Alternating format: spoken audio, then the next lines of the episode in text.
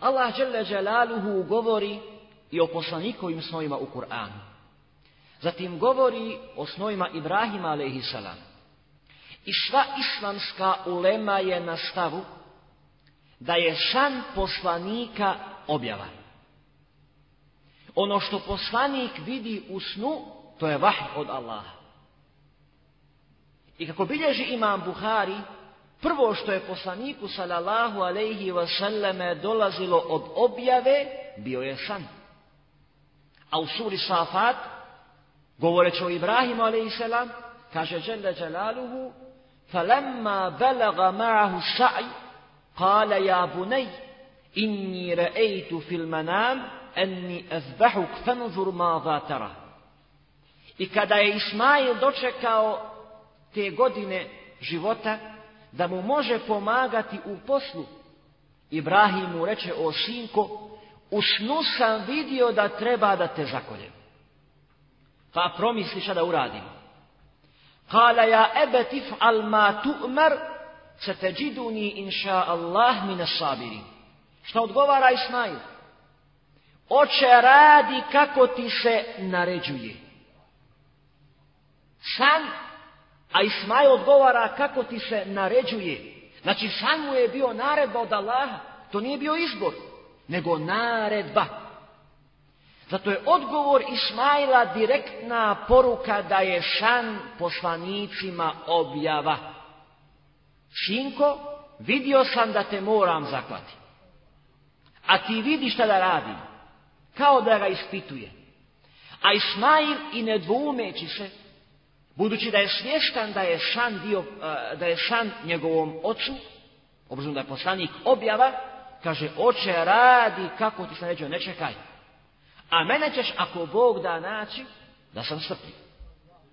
Zatim, لَقَدْ صَدَقَ اللَّهُ رَسُولَهُ رُؤْيَا بِالْحَقِّ Allah je obistinio san njegova poslanika.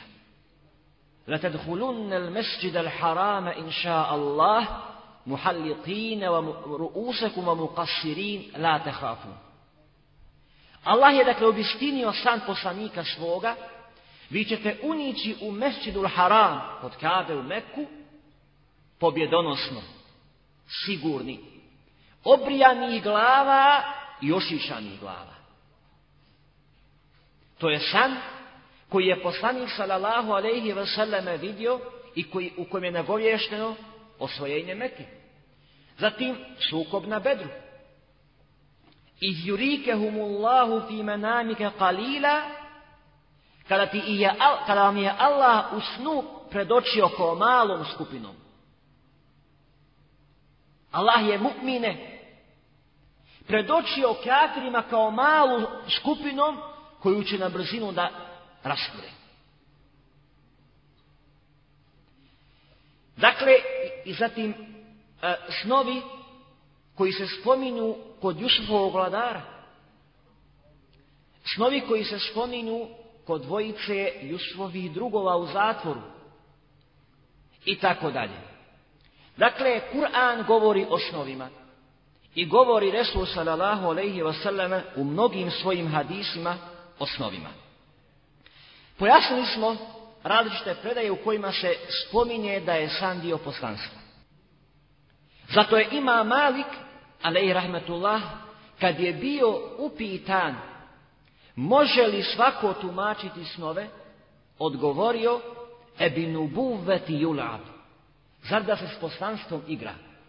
Jer u Buhari i u Muslimu Resul sallallahu alaihi wa sallama napominje da je san mu'mina 46. dio poslanstva.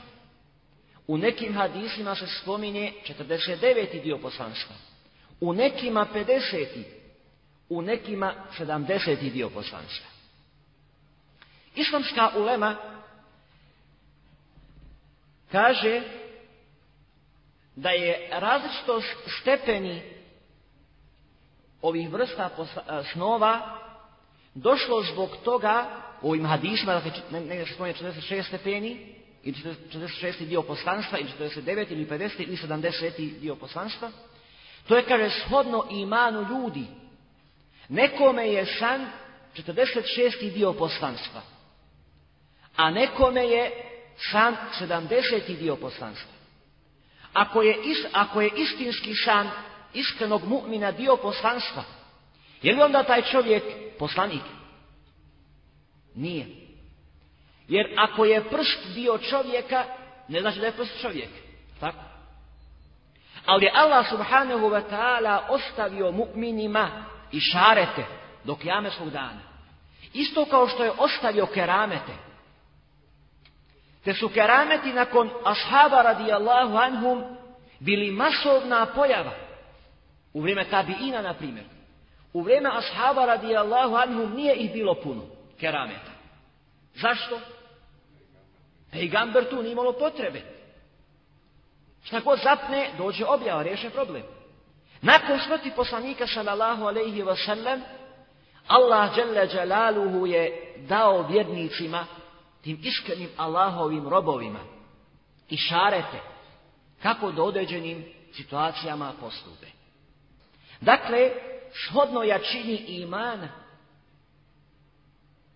san ima svoju stepenicu. Neko je jačeg imana, kod njega je to jači dio poslanstva. Neko je slabijeg imana, kod njega je to, kod njega je to slabije.